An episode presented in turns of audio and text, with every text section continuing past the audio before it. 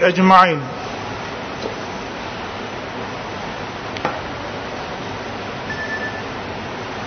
اول درس په منګه ابو داود کو به ورستو بس ان شاء الله ترمذی وایو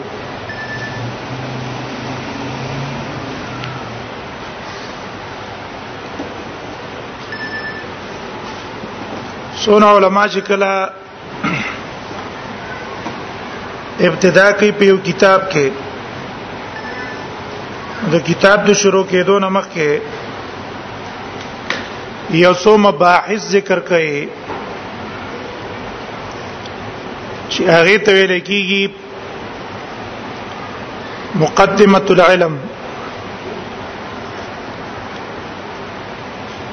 او دا هغه مباحث او غرض او فائدہ دی چې طالب کوم کتاب وای د کتاب د اصطلاحاتو نه خبر شي دا رنګ د کتاب د طریقې او د نهج نه خبر شي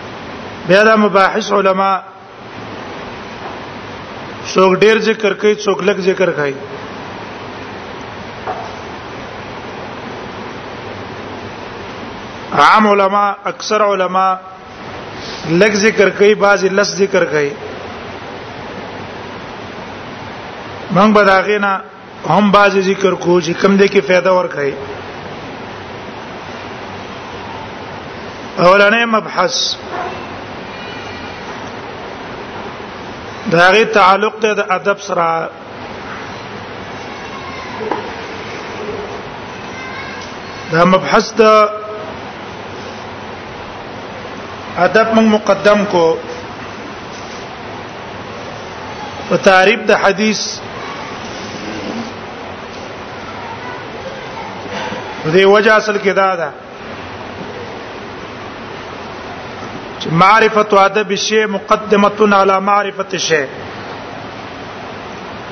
دی یو شی آداب از د کول د یو شی په پیجندلو باندې مقدم دی ته یو علم از دکې داغه د زده کړې نه مخکې داغه آداب از د کول پکار دی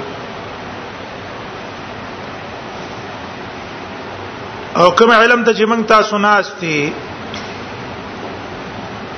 دا علم په تمام علوم کې اوچت علم ده ځکه شرافت د علم دا بنا ده په شرافت د موضوع باندې د کوم علم موضوع چې اشرفي نو هغه علم اشرف همي رستو به تاسو ته پته ولګيږي چې علم د دې موضوع د دې علم ذات رسول الله صلی الله علیه وسلم د نبی صلی الله علیه وسلم ذات ته ذات ذات د رسول الله صلی الله علیه وسلم ډیر اوچت ته نو کوم علم کې چې بحث کیږي د نبی صلی الله علیه وسلم د ذات نه نو علم هم ډیر اوچت علم نه او فضیلت د د علم با او شرافت به ان شاء الله دا موږ معلوم کو په مستقل باس کې چې شرف علم الحديث د علم حديث شرافت څه ده وایي کې به دا مسله ان شاء الله معلومه شي دا علم اوچت ته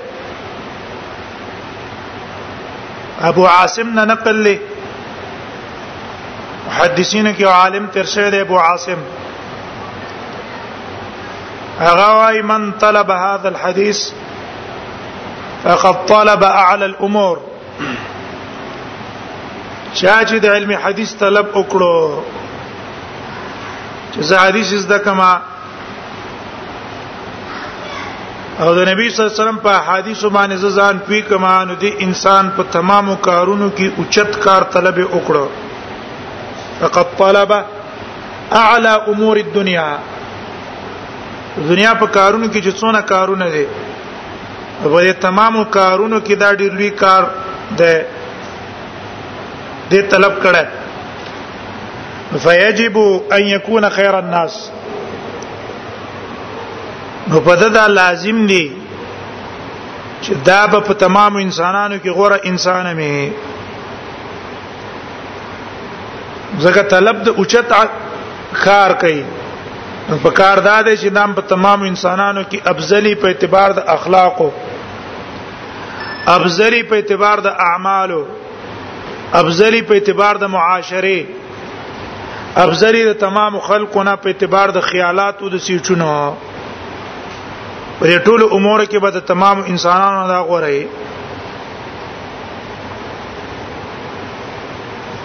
دیو جن موږ تاسو لرا آداب په ځان کې پیدا کول پکار دی په دې آداب باندې علما مستقل کتابونه لیکلي مشهور کتاب پکې د خطیب صاحب ده مشهور کتاب خطیب صاحب الجامع لاخلاق الراوي واداب السامع پای کې د محدث داغه آداب بیان کړي چې د محدث له پکاردار چې د آداب ځان کې پیدا کړي او د علم حدیث طلب چې څوکي اغلم د آداب کول پکار دی موږ دی وخت تاسو ټول طالبان د حدیثي استادم طالب دی شاګردم طالب دی د طلب نه یو تنم خالی نه ده استاد لا ډیر طالب ته په نسبت شاګرد باندې ځکه قران کې دی وفوق کل ذی علم عالم هر عالم د پاسه بل عالم شته نو د علم انتها نشته هند بعضی آداب په داغه نه به موږ ذکر کو اولنې ادب چې هغه اهم دی ضروری دی چې هغه ته ویل کی اخلاص النیه فی فی طلب الحديث احادیث طلب چې من کو نو په کاردار چې اخلاص د نیت کو اخلاص سمانا ده مطلب د اخلاص دا ده چې زمنګ مقصد په طلب د حدیث کې د الله رضا دی چې بس الله معنا رضا شي او زه علم حدیث باندې پوه شم عمل پیو کوم او بیا دا غي نرستو زه دا غي نشر او اشاعت او دعوت نور توکم وجداد چې د علم حدیث زده کړه د علم حدیث مذاکره علم حدیث نشر او اشاعت دا ټول عبادتونه دي او عبادت لپاره په اتفاق د علما او اخلاص د نیت ضروری ده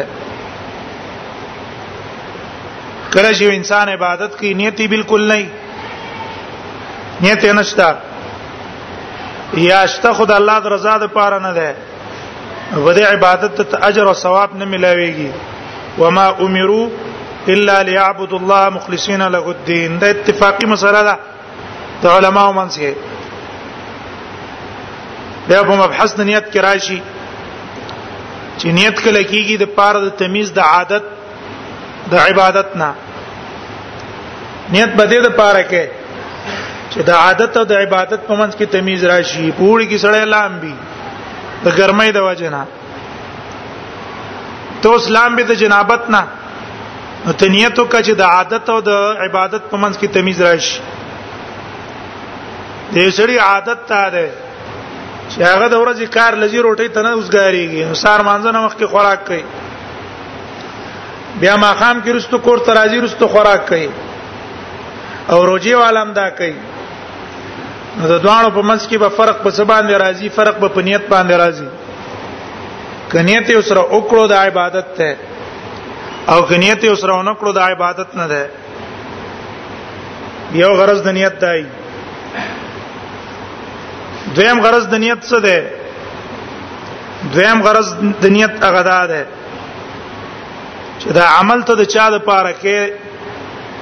عبادت کې د الله د پاره نو ستاد عمل د ریانا ځان خودینا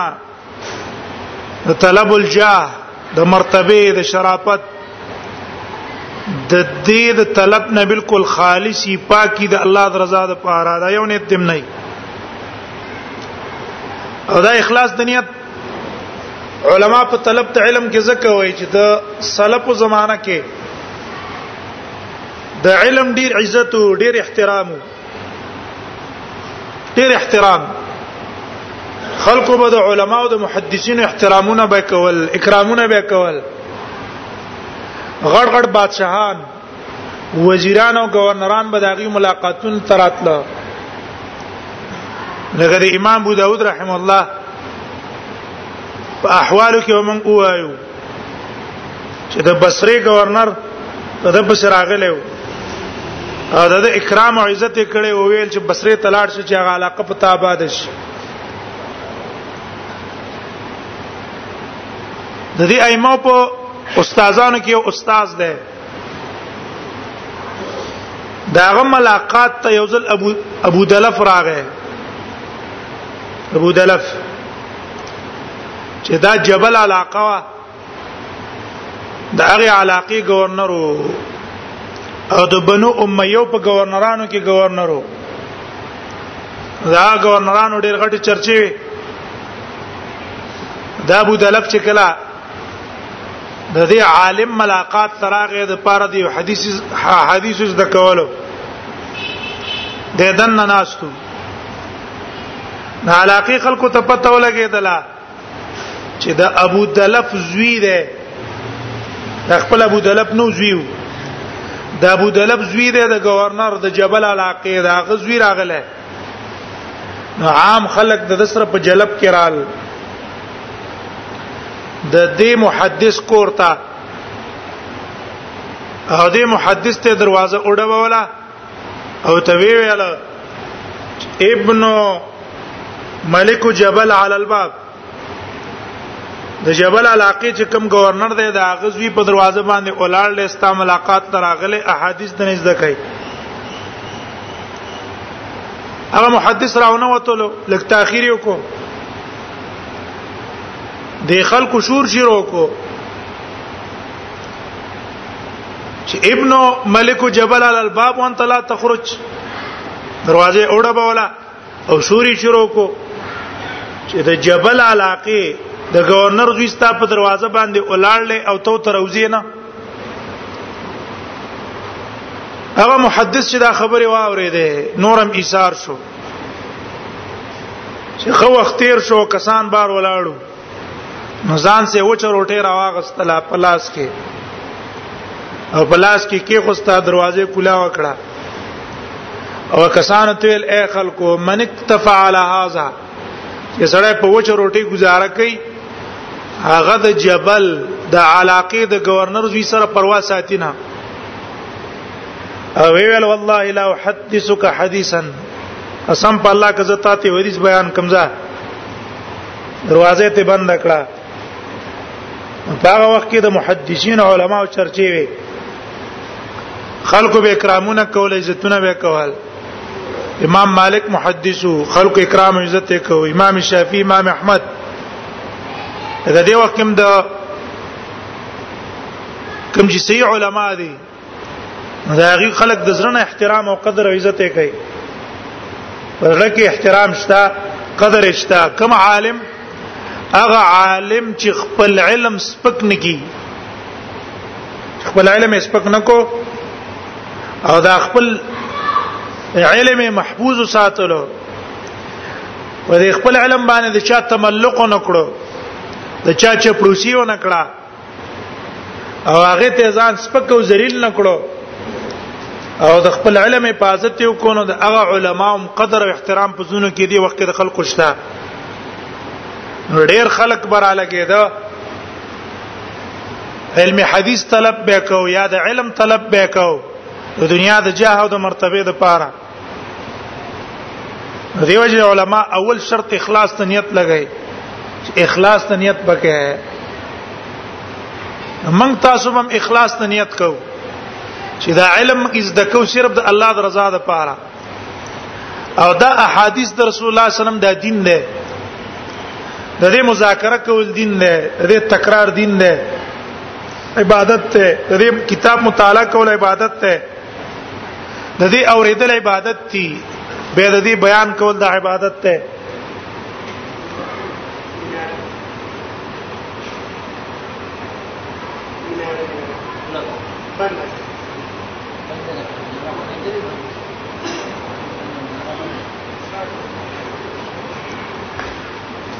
دا بنا د څه د عبادت ته دیوژن اخلاص ته نیت وکاو خدام زین کې کې نه وای د نبی صلی الله علیه وسلم د احادیثو د علم دا کمال له او دا په دې قران او حدیث کې الله دا کمال ښه که یو انسان په غلط نیت باندې طلب کی الله غ اصلاح کوي په اخر کې په اخر کې څه کوي اصلاح کوي دیو جن علماء د ډیر محدثین اقوال نقل کړي هغه ویل چې دا علم حدیث موږ طلب کړو د پاره د دنیا نو طلب هم د دنیا د اغراضو د پاره کړو خو بس دې انکار کو د دینه مگر ان الا یکون لله اخر کې زموږ په ځړه کې رااله چې دنیا دنیا په دې طلب کول نه دي پکار الله رضا په طلب کول پکار دي ته په دې حدیثو کې کمال ده چې د انسان اصلاح څه کوي اصلاح کوي وجه دا ده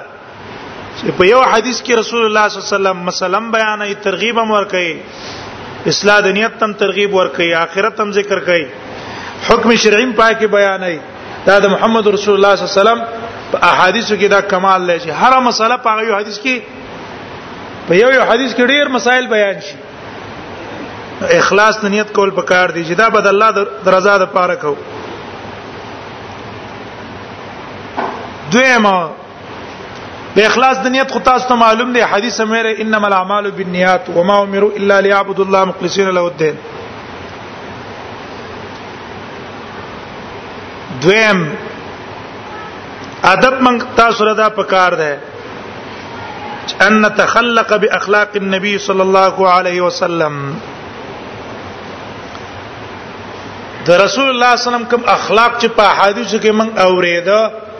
دغه اخلاق په پزان کې پیدا کړو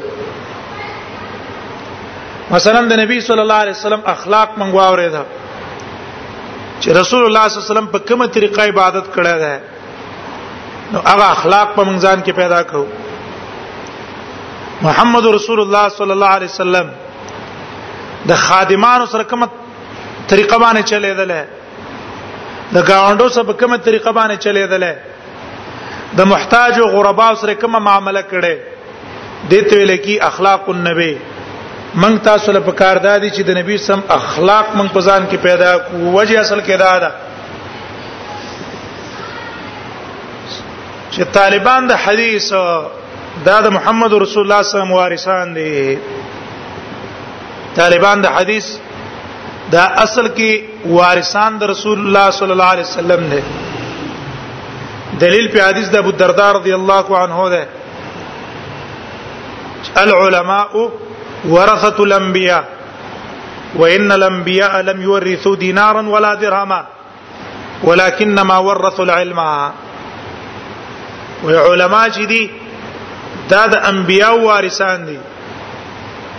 او انبیاء په میراث کې نصرو زر روپۍ پرې خدانې د سپینو زر روپۍ پرې خې هغه په میراث کې علم پرې خې د علم فمن اخذه اخذ بحظ وافر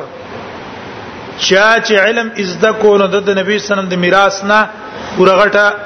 حصہ حاصل کړه د ابو هرره جام مبارک راضی یزل د جمعات نه بار وروته د مسجد نبوی نه بازار کې خلکو ته ویل شي خلکا تاسو دلته په بازار کې ناشتي او په مسجد نبوي کې د نبی سره میراث تقسیمي خلکو را منډه کړه چې ګنده رسول الله صلی الله علیه وسلم میراث په ظاهری څه شی به موږ ته ملاو شي جمعه ترال په مسجد نبوي کې څنور دنیوي تقسیمي اونلې دلو خو حلقي ولیدل چې التا مذاکره کېدل د احادیث او رسول الله صلی الله علیه وسلم احادیث بیانېدل دا کسان به ته واپس شو ابو هريره پر راغی رضی الله عنه هغه التا ول رسول الله صلی الله علیه وسلم میراث تقسیمېږي وې په دې جمعات کې څو وې د رسول الله صلی الله علیه وسلم احادیث بیانېدل وې دا د رسول الله صلی الله علیه وسلم میراث ته دا تقسیمېږي و دې حدیث نقطې ته به وګورئ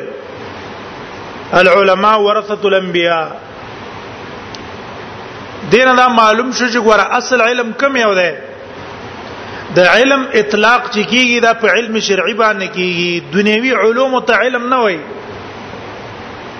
ایت کسبونه وای کسبونه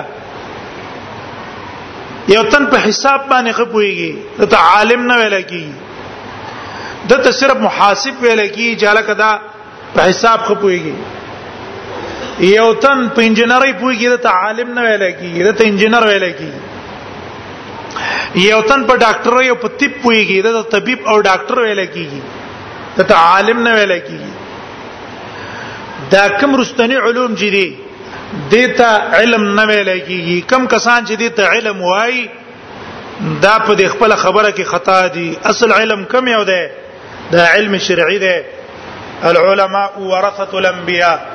وان الانبياء لم يورثوا دينارا ولا درهما ولكنما ورثوا العلم مونږ ته محمد رسول الله خو انجنیری نه ده بریخه ډاکټري او طبيبي خو مونږ ته نه ده بریخه محمد رسول الله موږ ته په میراث کې د علم شریک ده دیو جن کم مولیان چې هغه د دنیوي علومو نه متاثر وي او کوشش دا کوي چې رسول الله صلی الله علیه وسلم احادیث د موجوده د علومو سره برابر کړي دا دون تاثر ته نه دی پکار نه اصل علم زموږ د علم شرعي دی کله دې علم شرعي څخه کوم خبره موافقه وا هغه خبره به ټیکي دې خبر هم ځین ته پریوزي کله ډاکټر خبره د رسول الله سره موافق و دا ډاکټر صحیح دی رسول الله خبره په ډاکټر نه تلو رسول الله خبره په طبيب نه تلو رسول الله سم خبره په انجنیر نه تلو بلکې دا انجنیر ډاکټر طبيب د سیواله او غلطواله دا په محمد رسول الله سلام تلو ولی سفیان ابن عوانه وای سفیان وی رسول الله صلی الله علیه وسلم چې ده هو المیزان الاکبر هو المیزان الاکبر وی نبی صلی الله علیه وسلم دا غټه خزانه ده دا غټ تول ده توله لکه طلبانه سړی تل لکیږي کنه یا ترمامیټر باندې شی معلومیږي چې دې پوي کې وبشتا یا د پوي خالص دي هغه باندې اندازه لګيږي یا ترمامیټر باندې تبه معلومیږي چې دا دونه درجه تبه دا دونه نه ده دقه رسول الله صلی الله علیه وسلم چې د ګول میزان الاکبر نبی سلام اوچت تول له فتوزن الاقوال باقواله وتوزن الاعمال باعماله اقوال به موږ تلو په چا باندې نبی سم په اقوال به تلو د چا قول کاغه مجتهد ته کې امام نه که عالم نه که د تنظیم مشر ده که شیخ ده که استاد ده که پیر ده که ډاکټر ده که طبيب ده که هر شعبې سره تعلق لري دا اقوال به موږ سکو د رسول الله صلی الله علیه وسلم د اقوال سره تلو نو که د رسول الله صلی الله علیه وسلم د قول سره موافق وو بس صحیح ده او که د رسول الله صلی الله علیه وسلم د قول سره موافق نه و او پریدو دیوژن کم کسان چې وای رسول الله دا خبره کړې دا ډاکټرانو مستسی وای غلطه خبره ده ټیک نه ده دا د دې سړي په ځل کې د ډاکټر قدر شته د رسول الله نشته نوای ير دا ډاکټر صحیح دی تا خبره چې کوم ډاکټر کړي دا ډاکټر خو خيار دی ځکه خو خيار دی چې د خبره رسول الله د خبره سره موافقه ده ټول به بچا کو رسول الله سم په اقوال به کو دارنګ وتوزن الاعمال باعمال اعمال به رسول الله سم په اعمال تلو دې ته ورکی تخلق موږ ورسد انبیای طالب د حدیث د نبی سم وارث ده د رسول الله سم اخلاق په بزان کې پیدا کړي چې هغه د نبی سم کوم اخلاق د نبی سم اخلاق په تاسو ته دا وبد الوحی کې دویم حدیث کې راشي چې رسول الله صلی الله علیه وسلم ته وحی څنګه شروع شو نو کله چې جبرئیل السلام هغه تراغه او وحی تنازل کړه نو نبی صلی الله علیه وسلم خدیجه تراغه خدیجه تی ویل لقد خشیت علی نفسی رضی الله عنها وإذا بخبل ځان باندې ویریدلم خدیجه هغه ته تسلی ورکړه وکلا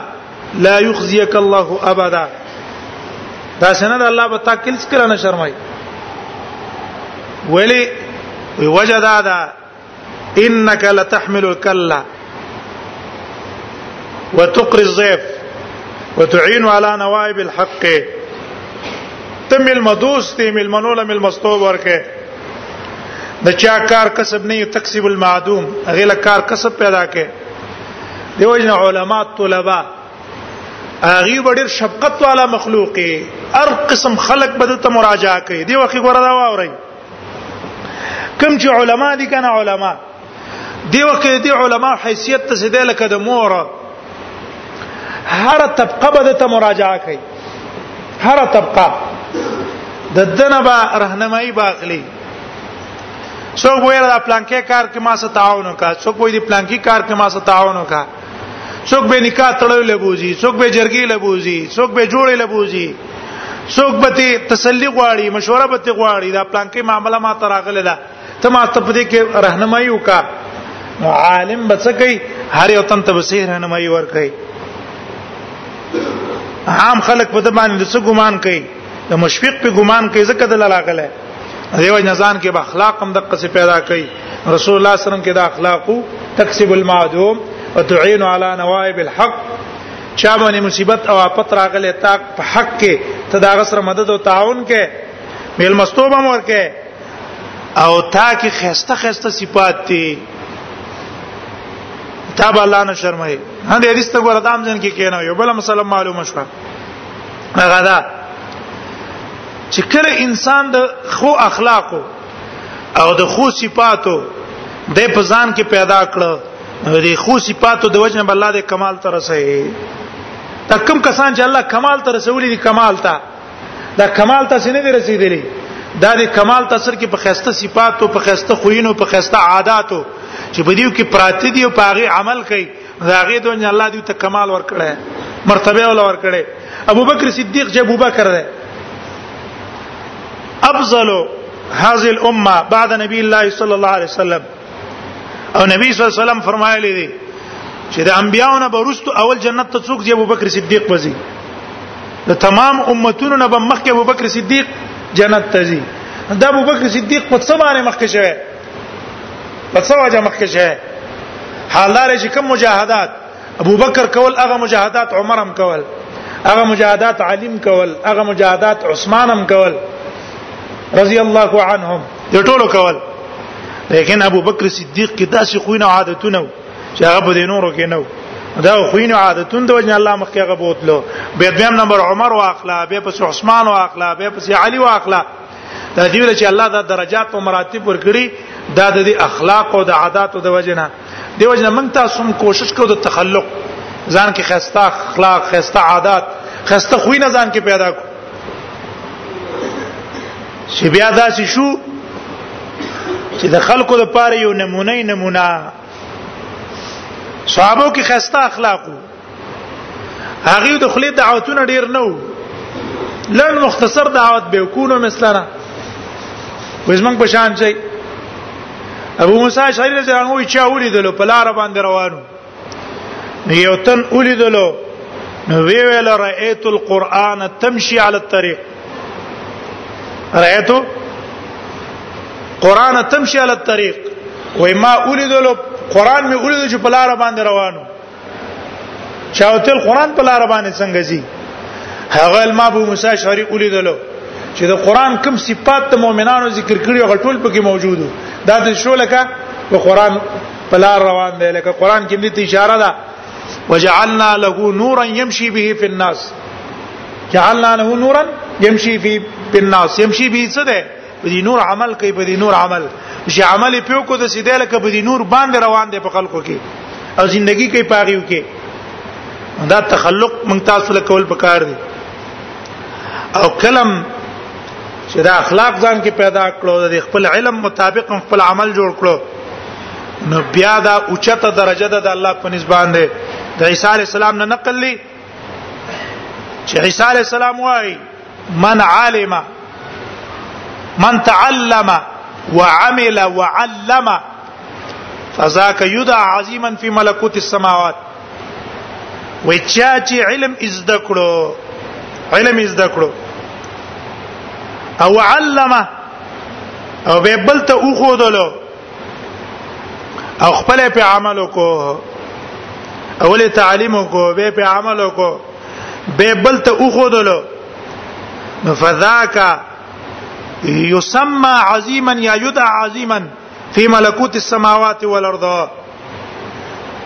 دا اسمانونه او پزمکه کې ډیر اوچت انسان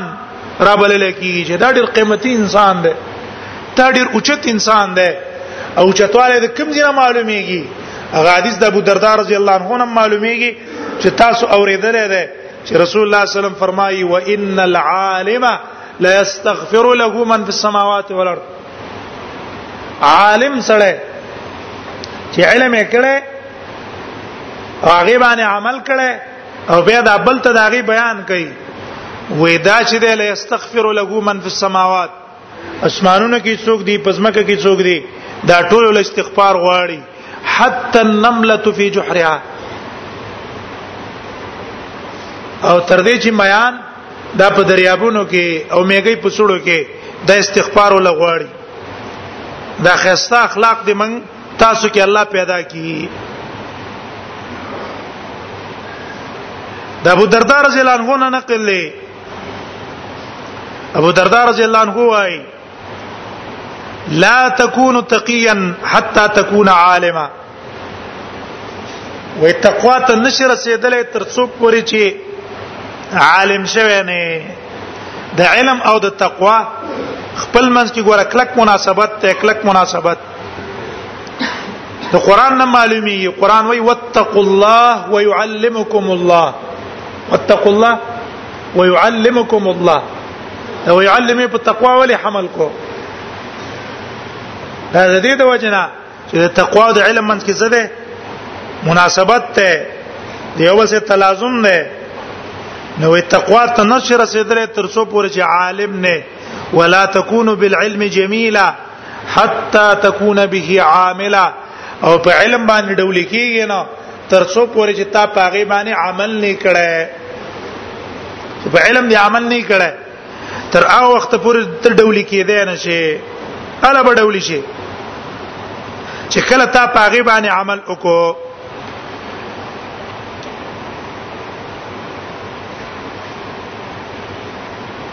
دریم ادب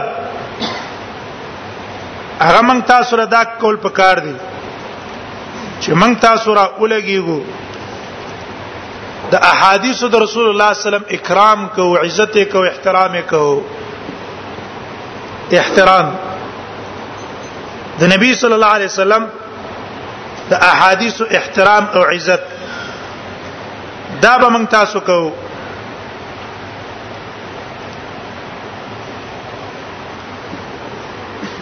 وجدادا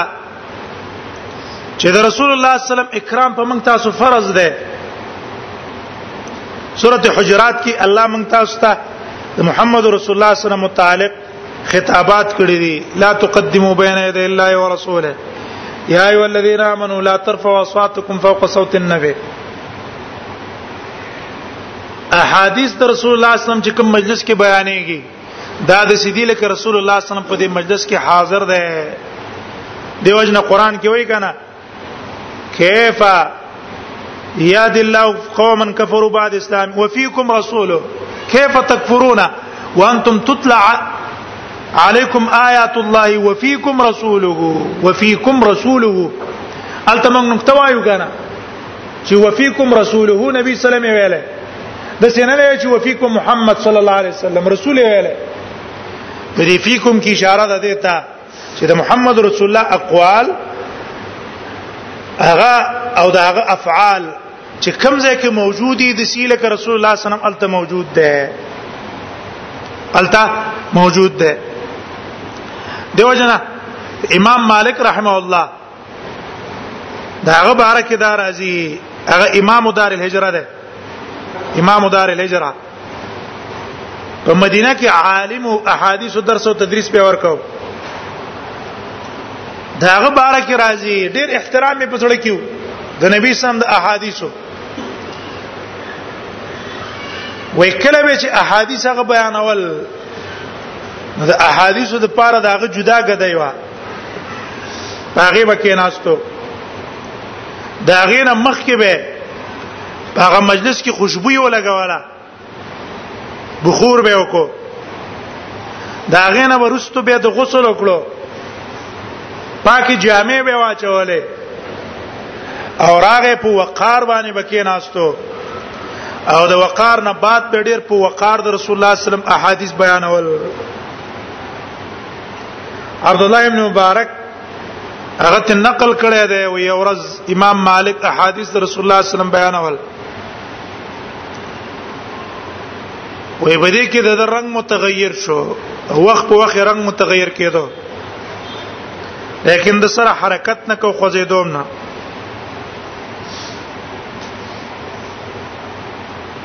تر دې چې درس ختم کو وې ما ته اشاره وکړه چې دلته راشه لمنې پورته کړه د شانه چې ومه قتل لړمو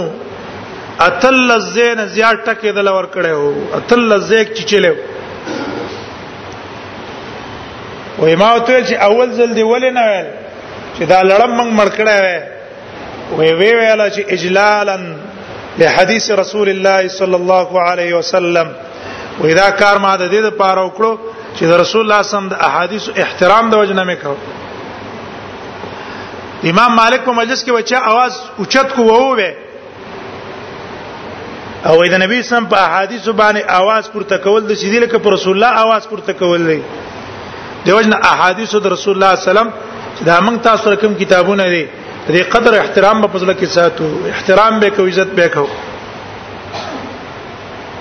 احترام عزت ادا دی چې او دس کې سړیو تکینی او دس باندې راوالو هم به او دس راغستلم د دې جایز دی یو د جواز مسله ده یو د ادب مسله ده د ادب او د جواز منځ کې فرق دی یو تقوا ده یو فتوا ده د تقوا او د فتوا په منځ کې فرق دی مباحات استعمالول موږ تاسو له جایز دي چې خې جامع واچو خو خوراک وکړو خو بستر باندې سملو خو کور کې اوسېګو او خو گاډي کې سوار شو دا سوریدل مونږ تاسو له جایز دي ځکه قران کې مونږ ته په امر شوی دی یا ای الذین آمنو کلوا من طیبات ما رزقناکم کلوا من طیبات ما رزقناکم کم چې طیبات ته لمنګ درکو هغه خوري یو تقوا ده تقوا دا ده چې دا شی نه ډیر استعمال نه کې د لپاره چې په نفس کې مصرانه شي په نفس کې فساد او بګاړ دانه شي نو تقوا جدا ده فتوا جدا ده دوه کې فرق کوي تقوا او فتوا په منځ کې هم دی وجنه چې کم کسان بیخي دا طیبات نه استعمالې دا نقصان کوي او چې څوک پکې بیخي ورنه وتلی دا نقصان کوي سړی بس کوي وسط باندې بزي درمیانری به اختیاري ډیر په پکې ورنوزیم نه چې بس نه پسو ته څوي هغه استعمالي او ځان باندې تکلف او حرج بم نه راوړي حرج بم نه راوړي لکه د سلف اقوال نه دا نقل لري دقه سي بیا یو دسه کتاب راغستلم جایز دي صرف په قران کې اختلاف دی د علماو چې را بیا د بیا د سره راغسته چې کنه سره راغستله هغه اختلافي مسله د رستو براش د قران نه بغیر نور کتابونه بیا د سره راغستل جایز لیکن ادب هغه ده چې منګه دا په او د سره والو څورم چې د احادیث احترام په ځړ کېو او د قران احترام هم په ځړ کېو داغه احترام په بنا باندې الله مونږ ته داغه نه بصیرت راکړي پویا به مونږ ته داغه نه راکړي ځکه د علم د ادب مطابق هغه ملاويږي نو مونږه په راواخلو په ادب احترام او عزت د کتاب ساتو او دس باندې راخلو خسته په ناس ته باندې ګورو دا نه چې را موږ ته ډړه واره ده څه اور کتاب هم په سینې باندې نیولې دا دا کتاب څه ده دا دغه به احترامي نه دغه به عزت ده دی امامانو چې دا کتابونه لیکلي دي په ملاس نه دي لیکلي دا په دې شپې را پاتې دي ډیوی سره نه وي سپوږمو باندې لیکلي کمزې نه عارضی رڼا پیدا کړې د پاغي باندې لیکلي اوس موږ تاسو ته په اسانه ملاو دي په اسانه موږ به موږ احترام کوو د دې دا غټ کتاب ته دا په ملاست باندې ونه ګورو نه په ناس ته تکینو او ادب او احترام نه دی وساتو نور کتابونه په دې اوچت نه کو غام علما ادب دا وایي چې احادیث به د ټولو کتابونو د پاسه او قران به د احادیثو د کتابو د پاسه دی ځکه قران به د دینه په احترام کې مخ کې ده کتابونه قسطون د ترتیب احترام او ادب په ساتو بل فایده غدا ده چې ګوره ضبط دوه قسمه ده علماوی ضبط دوه قسمه ده یو ده ضبط صدری هغه ته وای چې ته د استاد نه واوري او په ذهن کې یاد کې دې ته ویل کېږي ضبط بالصدر دیم قسم دې ضبط بالکتابه چې ترا اولګيږي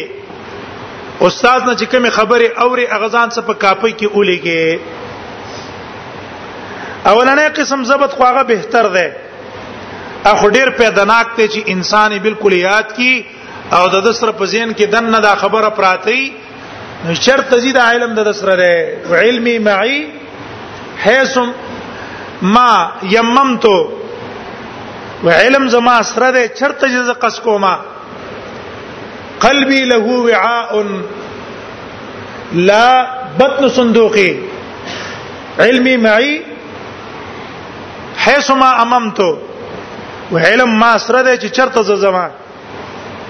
بطنی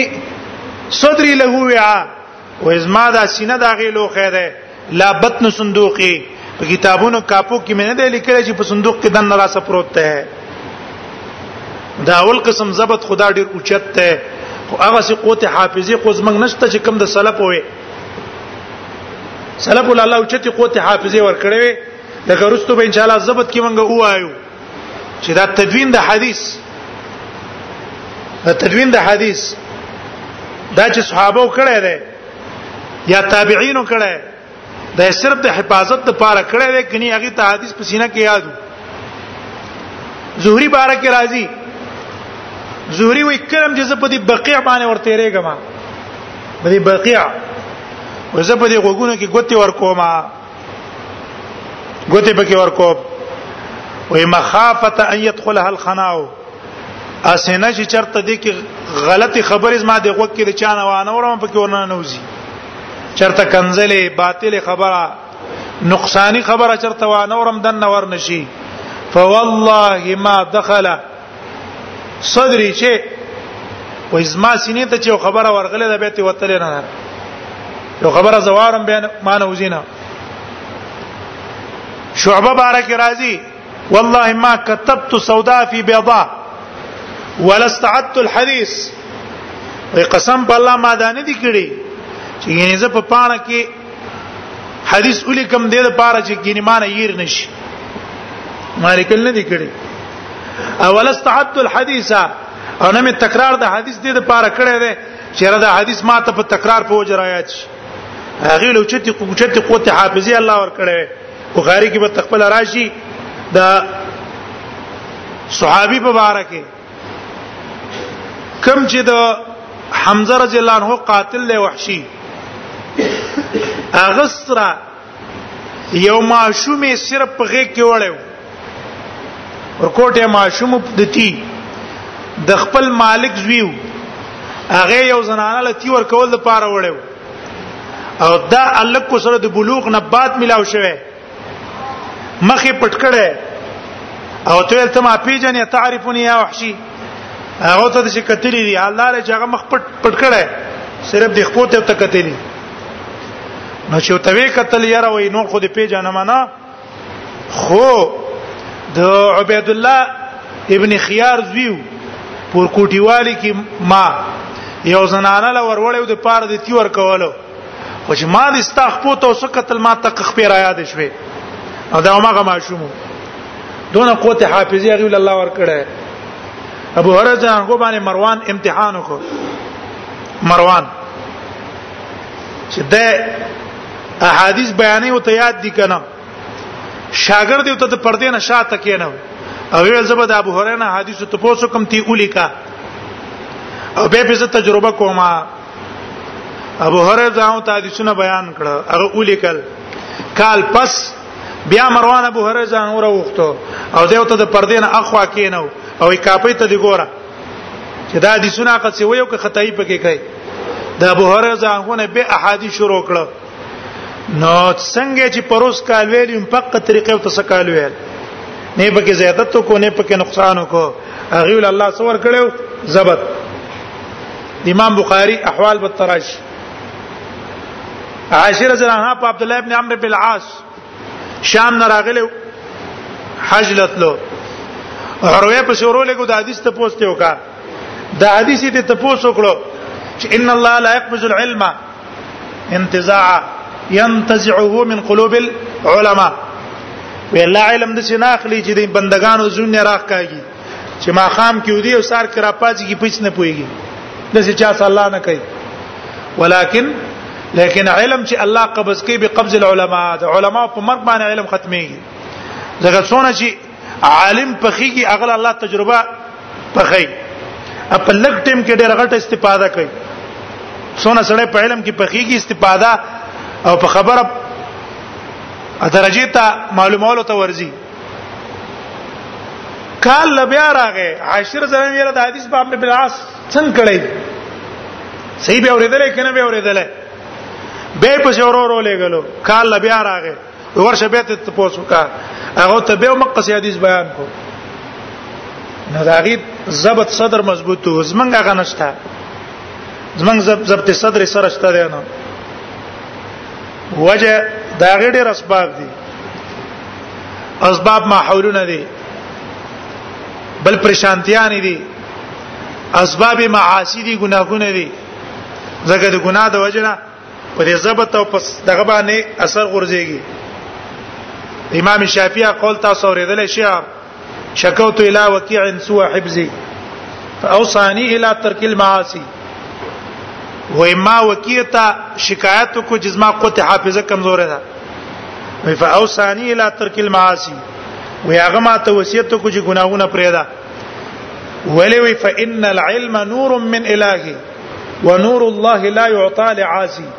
ځکه علم دا د الله نور دی او سوچ د الله نه پرمانی هغه تخپل رڼا نه ور کوي بصیرت ته نه ور کوي علم نور دی نو ګناهونه دي فتنې دي دیو جن قوت حافظه من کمزوري دي کمزوري راغی ته موجه دام ده مخکینی علما به یو علم پوره زده کو بل ته بشو مثلا اول کې بلاړو د نحویانو سبق کې ناستو ترڅو پورې چې نحوی زده کړي نه بل څه به کار نه لرلو دی عالم نه به نحو زده کړه بل نه به صرف زده کو بل نه به اصول زده کړه بل نه به منطق زده کړه معنی به زده کړه زموږ طریقه د درس جدا ده درسونه نظامونو ترتیب جدا ده دام اسباب چې موږ د قوت حافظه او بل تاسو ته پته ده شپږ مې سبق ته شپږ مې چټي ده شپږ مې مدارسو کې سبق ده او شپږ مې چټي ده او د شپږ میاشتو چې دا کم درسونه وایو په دې کې چې موږ تاسو ګورو بیا څونه چټي نه څونه چټي نه اوس په علم خودونه د غراغه چې درې میاشتو کې وړه دا وړه ده او اوس غټي دورې په درې میاشتو کې شروع شولې درې میاشتو کې امام ابو داود ورستو مونږ وایو دا کتابي څلويخ کال کې لیکل امام بخاری درش کال کې بخاری لیکل او موږ په درې میاشتو کې وایو څه بس موږ زبط راشي موږ زبطونه غو نه راځي کنه موږ عجلت والای نه دا مسباب دي ډېر اسباب دي داګه لپاره ها للفائده زین کې خبره کې ناول په څه باندې کیږي دا فائدې د پاره دا خبره کوم ډېر کسان را چې ورځ ما قوت حافظه کار نه کوي قوت حافظه بنګ دی وجه نه کار نه کوي چې موږ په یو خبره تیز ورزو په خبره سوچ نه کوو یو حدیث ته انما الاعمال بالنیات هم دې حدیث ته متوجه شه چې دا الفاظ څنګه دي دا چا نه نقل له عمر ابن الخطاب نه نقل له الفاظ د حدیث څنګه دي دې باندې لکه تدبر کا سوچ کا او لکه سترګو ته پټی کا زین کې واړه ورا واړه وا چې دا دې تدبر او سوچ ته کو دا ستا په زین کې کینی به دنه نزي او کاسې دې تو قتل او رستوي چې را د حدیث څنګه دې به په الفاظ هم نه معلوم راویوم د تنه معلوم غټه مسله مونږ ته د عاجلت ته چې په غزي باندې تدبر او سوچ نه کو زر په ورزو یو عدم ضبط وجه دا ده دې وخت کې زمنګ تاسو ضبط د صدر نشتا دویم ضبط هغه ته ضبط د کتابت وای مونږ تاسو به څه کو ضبط د کتابت بکو کاپي کې چې کوم استاد مونږ ته څوي هغه ځان سره اولي کو دې ته ویل کی ضبط د کتابت دا ضبط د کتابت به انسان ته چې کلم دا کاپی راواخلي ډیر کړ دغه قصو کوي تاسو به یو شی لیکلی خو چې رستو کاپی راواخلي ته به تریانه چې دا ما څنګه لیکلی دي څنګه مې لیکلی دي تا خبره خو سره از مازین کې وینا او تا ته به ترتیب به بالکل معلوم شي خبره وته بالکل رايات شي ضبط د کتابت ته وخت موږ تاسو ضروری ده او په دې احادیثو کې چې ګوره موږ زبد د کتابت نه کوو به مستړی کیږو څه وکاو ستړی کیږو با او ستړی کېدل اس موږ دادی چې به نور سوچونو کې رواني ځکه انسان خالی نه پاتې کیږي یا باغ درس ته فکر کوي کاغه ته فکر دی نو شیطان در باندې حمله کوي بل طرف دی بوزي بیا به نور ناس بدلته او خیالات او تصورات به بل ځای کی سره دا غو مسلې سر برنامه خبر نشي او چې نه کتابت طرف ته متوجي هغه تا ته پیدا درکې نه نه دل پیدا نه درنه که سبا دل درکې سبا به رسوک د مسلې ته پوسو کی تب وې دا بچیر ته هغه خپل چې کم د استادانو د لیکل کړي یا به تا ته راهنمایو کی یره مسله کې دا لار دا د دلیل دی دا حدیث ته اتا ته به راهنمایي کوي کاغه کې تونه کړه سبا د درس کو په دې درس کې دا تا ته راهنمایي کوي درس کې ډېر محدثین د سې چې هغه ځان ستړی کوي نه چې استاد یې کوم تقریر لیکلی بس هغه تقریر وګوري او بیا تل هغه بیان نه پاره په ترتیب باندې روان تان چې کوم ځان څه ضبط کو دا دل پیدا درکې دیو جن موږ تاسو نم ضبط پکار دی کله کله نکو به نقصان دی دا به تنګي استاد په یو مسله کې تحقیق کوي دی به کله چټونه راولېږي چې را بس ته تحقیق ته ضرورت نشته کتاب باندې مخکې ورزو هلکه تا ته به ضرورت نه تا ته به ضرورت نه دا نور خو لګیا دي دي ته ضرورت څه کنه دا به د نور د پاره مسو ګرځي دا هم د نور د پاره حرف علت وګرځي هغه وجنه حرف علت ځان به جوړو نه ضبط بکو پنځه خبرو کې دوه خبرې اولی کلی درې رانه فوت شي دا دوه پیدا کړاله کنه دا بهتره ده چې په دې پنځو کې دوه راګیری کو او کنه دا ټول ځای کو دا بهتره ده دا څه چې مرزبت کې دان لوګو پیدا باندې راځي دیو جن دیو کې ضبط مونږ تاسو له پکار ده چې مونږ ضبط وکړو دا هغه آداب به نور آداب دي په حدیثو کې به خپل راځي چې هغه د مرګورو متعلق دي دا خود درس متعلق نو دغه لحاظ مونږ تاسو ساتو بل غټه یو فائدې خبره غدا دا ده چې درس کې غیر حاضری مکوي هر درس کې حاضری کوي په دې حضور کې پیدا ده دا ک پادیس پورو پیم نشي کنه زین کې خو به یو کش وشي چې دا مسله خو به هیڅ کې په دې کتاب کې موږ څاورېدلې و دا قسم صحیح لړه پیدا ور کوي یو سړی ته مسله پوره تفصیلی نه معلومه خودونو ته معلومه ده چې دا مسله په پلان کې کتاب کې ده دا دو ایسی په مسله کې زیات رسیدلې ده دو ایسی رسیدلې او چې سړی ته زم نه معلوم چې دا مسله په کوم ځای کې دا د ایست رسیدلې نه ده دیو جنا غیر حاضری په دروسو کې نه ده پکار او هغه کې حاضری پکار ده چې موږ تاسو په درسونو کې حاضر یو کو دا هغه مختصر آداب به تفصیل آداب موږ په کتاب کې شرح کې لیکل تفصیل دا ادب په کار دی دا ادب په کار دی بس په دې باندې صرف اکتفا اکتفا کو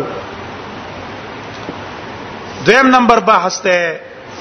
چې هغه متعلق دی د حدیث د تعریف سره موضوع سره د غرض سره علم حدیث تعریف موضوع غرض دا غي سره تعلق لري زه په دې به اکتفا وکړم ان شاء الله تعالی غي درسونه غو ترتیبم ګره لا تاسو نه معلوم صلی الله نبی محمد و علی اله وصحبه